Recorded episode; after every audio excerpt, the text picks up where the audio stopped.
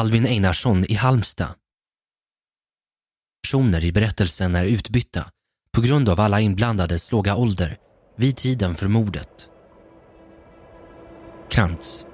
Källor tingsrättsdomen, förundersökningen samt artiklar ifrån Expressen och Aftonbladet. Du lyssnar på mig, Sebastian Krantz, i Svenska mordhistorier, säsong 1.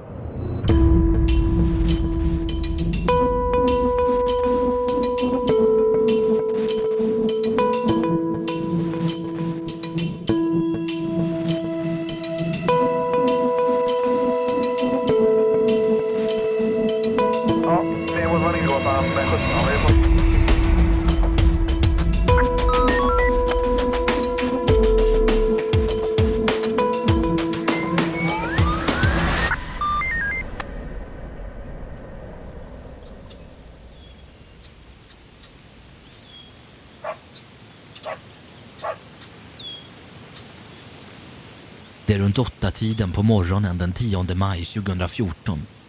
Lennart är ute och går med sina hundar i ett skogsområde i Frännarp utanför Halmstad när han plötsligt får syn på ett par fötter som sticker upp ur en bäck cirka 20 meter ifrån gångstigen som han går på. Han går närmre och ser att det ligger en avliden man i bäcken. Lennart larmar omedelbart SOS och polis och ambulans anländer snart till platsen. Man kan konstatera att kroppen inte kan ha legat där mer än några timmar. Den unge mannen har inga ID-handlingar på sig men man kan se att han har en stor tatuering där det står “Family Forever” över bröstkorgen. Förutom det här så hittar man en trasig mobiltelefon, ett halsband och en keps.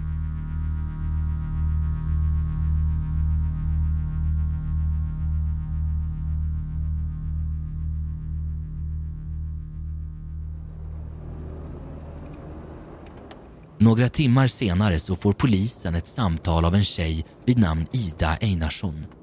Hon är mycket orolig för sin lillebror som hon inte hört någonting ifrån sedan kvällen innan. Hennes lillebror heter Albin Einarsson. Ida bor på Plönninge gymnasiet där hon studerar. Polisen tar med sig mobiltelefonen och halsbandet när de åker ut till gymnasiet för att kontrollera om den försvunne personen kan stämma med den avlidne. På platsen finns även Albins flickvän My.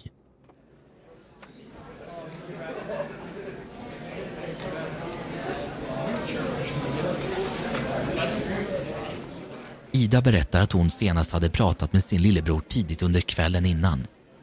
Då hade han varit uppstressad och sagt att han var i en skog där han hade bråkat med någon. Alvin uppgav även att hans vän Rasmus var med. Efter en stund så anländer också Idas farmor och farfar till Plönninge gymnasiet. Och tillsammans med Ida så ombeds de att följa med till bårhuset i Halmstad för att där identifiera kroppen.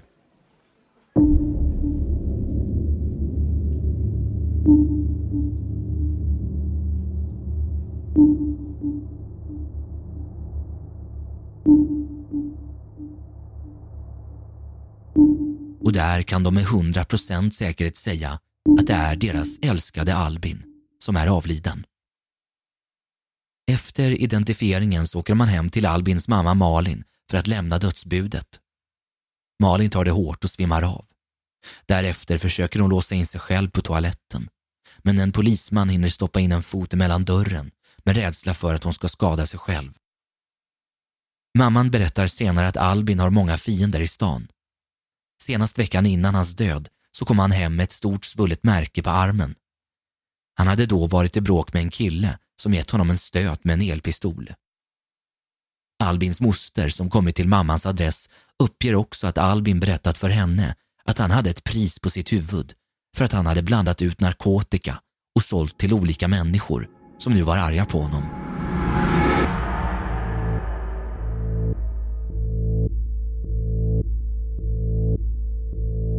Sista gången som Malin såg sin son var vid 18-tiden den 9 maj. Då skulle han gå ner till stan och träffa en gammal kompis vid namn Tinny. Hon sa då till Albin att han skulle vara hemma senast 23.00. Men det skulle inte bli så.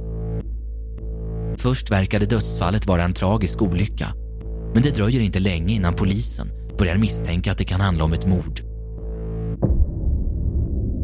För redan några månader efter mordet så går Albins familj ut i media och vädjar för att vittnen ska träda fram.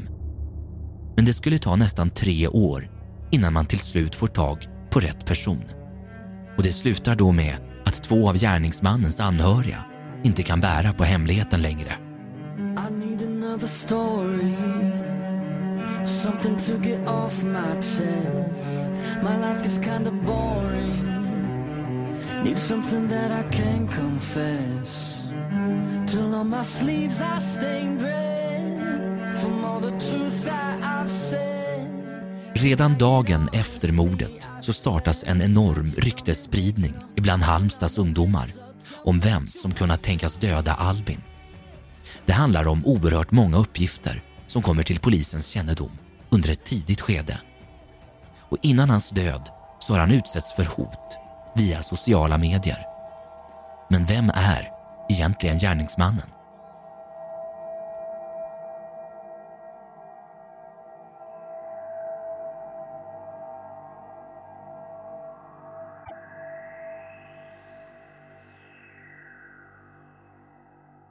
Året är 2014. Albin fyller 16 år och ska börja gymnasiet till hösten. Han har dock haft det lite svårt att sköta skolan på grund av sin ADHD som han haft ända sedan han var liten. Istället för att gå i skolan hjälper hans mamma honom att fixa en praktikplats på en biltvätt. Albin har uttryckt sin ADHD under hela sin uppväxt och det här blev ibland för mycket för mamman att hantera. Han fick då bo på en institution ett par gånger och senaste gången var 2012 till 2013. Efter det så bor han hemma som vanligt igen. Han hade tidigare varit strulig och haft svårt att hålla tider. Men det här blev bättre under 2014. Många beskriver honom som snäll och hjälpsam. En person som alltid ställer upp. Men Albin har också en annan sida som visar sig ganska ofta. Han kan vara uppkäftig och bråkig under Albins systers Idas högstadietid kom det ofta fram människor som sa att hennes lillebror var dum i huvudet och att han inte borde få finnas.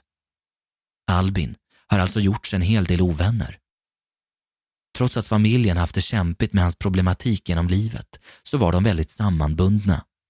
Extra nära var Albin sin syster Ida. För det mesta bodde han hos sin mamma när han inte var på institutionen. Men han hälsade även på sin pappa på helgerna även om de två inte alltid kom överens. Under hösten 2013 lär Albin känna sin blivande flickvän My. De börjar umgås och har daglig kontakt via sms. De flesta runt Albin säger att de då aldrig sett honom så lycklig som när han var med henne.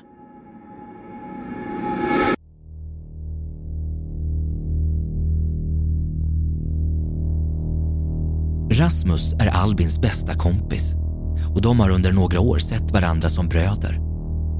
De träffar varandra genom en gemensam vän under 2012. Därefter bjöd Rasmus med Albin att spela fotboll i hans lag. Förutom fotbollen så brukade de spela World of Warcraft tillsammans. Och trots att Rasmus var två år äldre än Albin så umgicks de nästan med varandra varje dag när allting var bra. Av alla Albins familjemedlemmar så kom Rasmus hans mamma allra närmst. Han såg upp till henne så mycket att han själv också kallade henne för mamma. Rasmus bor tillsammans med båda sina föräldrar samt sin yngre syster Elin, som även hon känner Albin.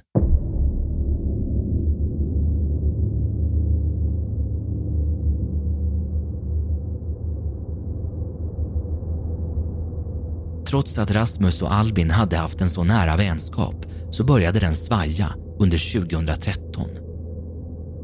Då blir Rasmus tillsammans med en Angelica som tidigare varit Albins flickvän under cirka sex månader. Under halvåret som Angelica och Albin var tillsammans så ska han ha våldtagit henne. Det här får Rasmus reda på och blir mycket arg. Men han vill ändå på något sätt försöka lösa det eftersom att Albin är hans bästa kompis och nästan som en lillebror för honom. Han konfronterar Albin med det han fått veta och säger att han vill prata om det istället för att bråka. Men Albin nekar till att någonting sånt någonsin ska ha hänt. Relationen mellan vännerna var under våren 2014 fram och tillbaka. Men när Rasmus får reda på att Albin tvingat hans lilla syster Elin att skicka nakenbilder till honom så blir det droppen. Elin var kär i Albin och skrev mycket till honom. Till och med så mycket att Albin själv sagt att han tyckte att hon var jobbig. Han hotade henne med att om hon inte skickade fler bilder så skulle han sprida dem på nätet. Det verkade som att han menade allvar med det här när Elin får reda på att flera personer redan ska ha sett bilderna. Och det är lite drygt en månad innan Albin hittas i skogen som Rasmus ber honom att ta bort bilderna på hans syster. Något som han lovar att göra. Det är den 9 maj. Albin vaknar på morgonen och ska egentligen iväg till sin praktikplats. Men han känner sig förkyld och mår inte bra. Därför väljer han att stanna hemma. Egentligen har familjen som regel att man inte går ut när man är sjuk. Men när Albins barndomskompis Tinny ringer och frågar om de får träffas så säger mamman att det är okej. Okay, men att han ska vara hemma igen senast klockan 23. Tinny har tidigare bott i Halmstad men är sedan sex år tillbaka fosterhemsplacerad i Örkelljunga. Därför blir det inte att de kan träffas ofta. Albin äter middag tillsammans med mamma och går en sväng med deras hund innan han cyklar till Andersberg och tar bussen till centrala Halmstad för att möta upp Tinny och sin andra kompis Alina vid McDonalds.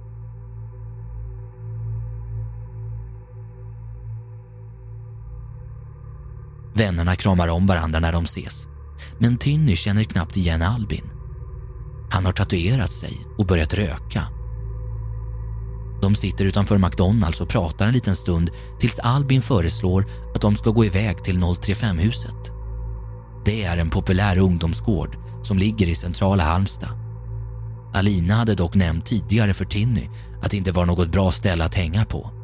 Därför säger Tinny nej. Men Albin är ihärdig och innan de bestämmer sig för att gå iväg till biblioteket så lämnar Alina killarna och går hem. Det visar sig dock att biblioteket hade stängt så istället börjar de gå emot Tinnys mammas lägenhet. Albin säger till Tinny att om de skulle stöta på en viss person som kallas Legenden så skulle de bara springa. Däremot vill han inte berätta varför när de är framme vid lägenheten så vill Tinnys mamma att han ska komma in och äta. Då skiljs vännerna åt och Albin går till 035-huset.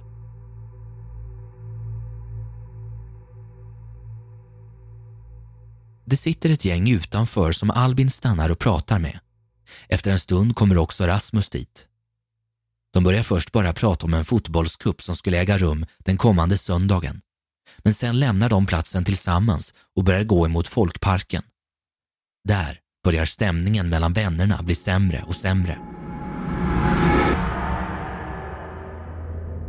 Rasmus tar återigen upp situationen gällande bilderna och frågar om Albin raderat dem. Men han svarar att han inte hunnit. Det gör Rasmus ännu mer arg. Hur kan han säga att han inte hunnit ta bort dem?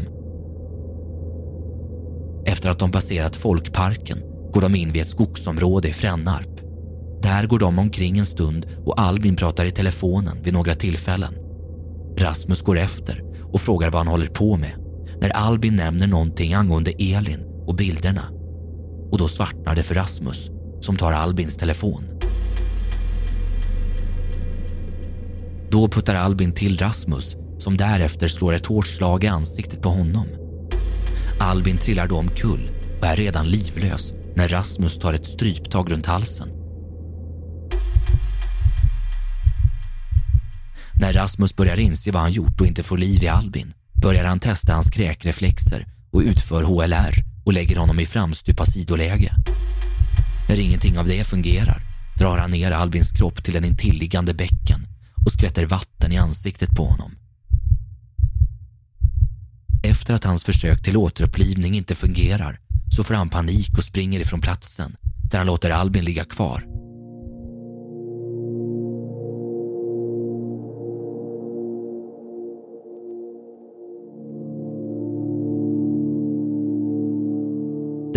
alltså delar av Rasmus egna redogörelse om vad som hände. Men alla punkter ska inte riktigt stämma överens.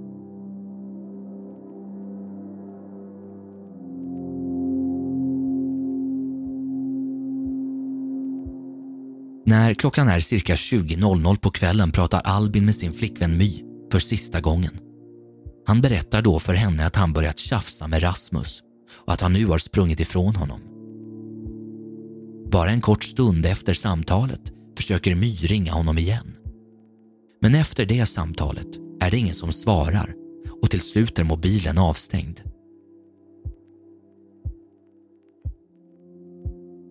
Timmarna går och klockan passerar 23.00 och nu undrar även mamma vart han tagit vägen. Hon tar därför med sig hunden och går emot bussarna för att eventuellt möta Albin. Men desto mer timmarna går så blir mamman mer och mer orolig och ringer både sjukhus och socialjour.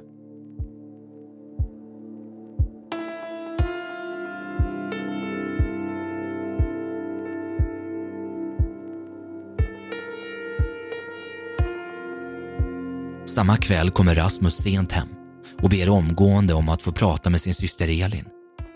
Hon följer med honom in på toaletten och han berättar för henne att Albin är död och att hon inte behöver oroa sig längre för att Albin ska skada henne eller Angelica. Till en början tar hon inte det hon just fått berättat för sig på allvar.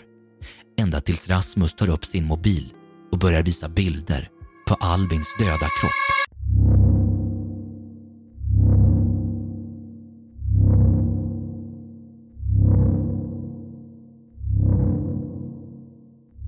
Någon dag därpå berättar han till och med hur han gått tillväga. Bland annat att han tagit en pinne som han slagit honom i huvudet med och att anledningen till att han dödat honom är på grund av bilderna på Elin och våldtäkten på Angelica. Och vid det här samtalet så är både Angelica och Elin närvarande.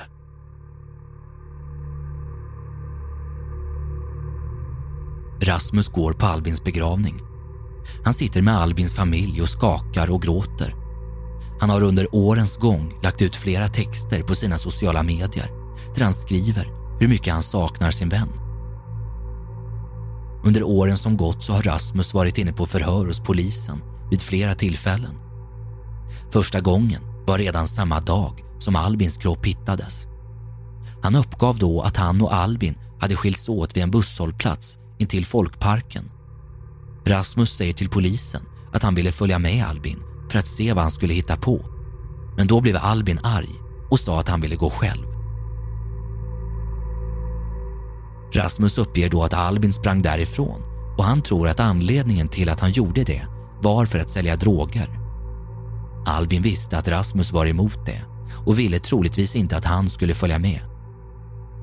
Och vid ett tillfälle under 2014 så får Rasmus följa med på ett vallningsförhör och visa de exakta platserna som han och Albin rört sig på under kvällen den 9 maj. Den 11 juni 2014 kallas han återigen in och förhörs angående sms-trafiken mellan han och hans flickvän Angelica. Polisen frågar varför han skrivit, vi citerar. Nu har jag i alla fall sagt upp vänskapen med Albin Rasmus svarar då att det här var för att han var sur på Albin på grund av att han inte ville vara med på fotbollen samt att hans flickvän inte ville att han skulle umgås med Albin längre. I ett annat sms står det, vi citerar, “Men jag saknar fucking inte Albin”. Det här skrev han bara för att Angelica inte skulle misstänka att de fortfarande var vänner. Och trots att Rasmus pressas ganska hårt under många och långa förhör så ska det dröja mycket lång tid innan han väljer att erkänna han har med Albins död att göra.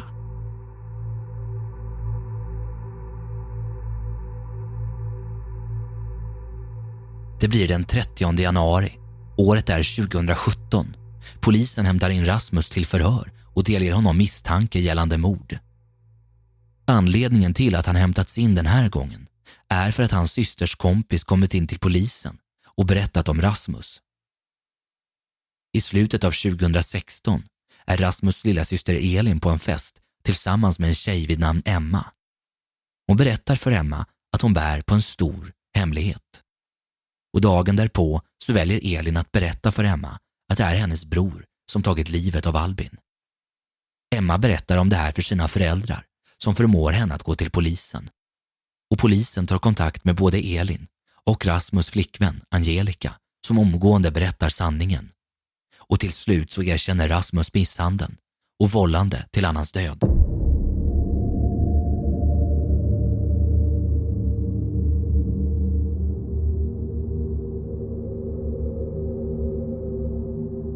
Efter att Rasmus blivit anhållen för mordet på Albin så tas Ida återigen in på förhör. Hon berättar att hon sedan dag ett haft en dålig känsla angående Rasmus. De kände varandra väl innan Albins död, men efter det hade de mycket mindre kontakt. Hon upplevde honom nästan som undvikande. Förutom de gångerna som det stod någonting nytt om mordet i tidningarna. För då var Rasmus på familjen som hökar för att få fram ny information. Han blev mer pratsam och nästintill överdriven i sin vilja att söka kontakt med framför allt Ida. En annan händelse som Ida berättar om är att vissa av Albins konton på olika sociala medier plötsligt stängdes ner. Hon är nästan till övertygad om att Rasmus hade tillgång till hans lösenord. De brukade nämligen ha samma lösenord till vissa konton för att lättare komma ihåg. Efter att Ida och hennes farmor och farfar identifierat Albin på bårhuset gjordes han i ordning för att kunna visas för släkt och familj. Rasmus kom då också dit och sa att han ville se Albin, vilket Ida då tyckte var opassande. Hon hade pratat med sin mamma om det här, men mamman hade då sagt att de ändå var bästa vänner och att Rasmus förtjänade att ta ett värdigt farväl av Albin. Utan att ha några bevis eller något handfast att ta på så kunde Ida ändå inte skaka av sig känslan av att någonting var fel. Hon upplevde ett stort obehag vid varje tillfälle som hon träffade Rasmus.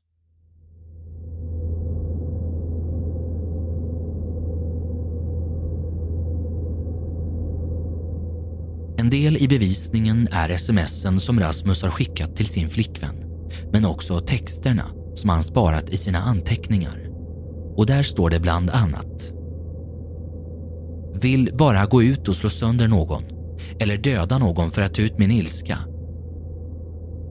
Och jag hade fan kunnat döda Albin om du sa att jag fick det, för det han gjort mot dig och Elin. Jag mår psykiskt dåligt av att veta du inte vill att jag ska bry mig och bara låtsas som ingenting. Jag träffade Albin igår. Hade sån fucking lust att bara slå sönder horungen.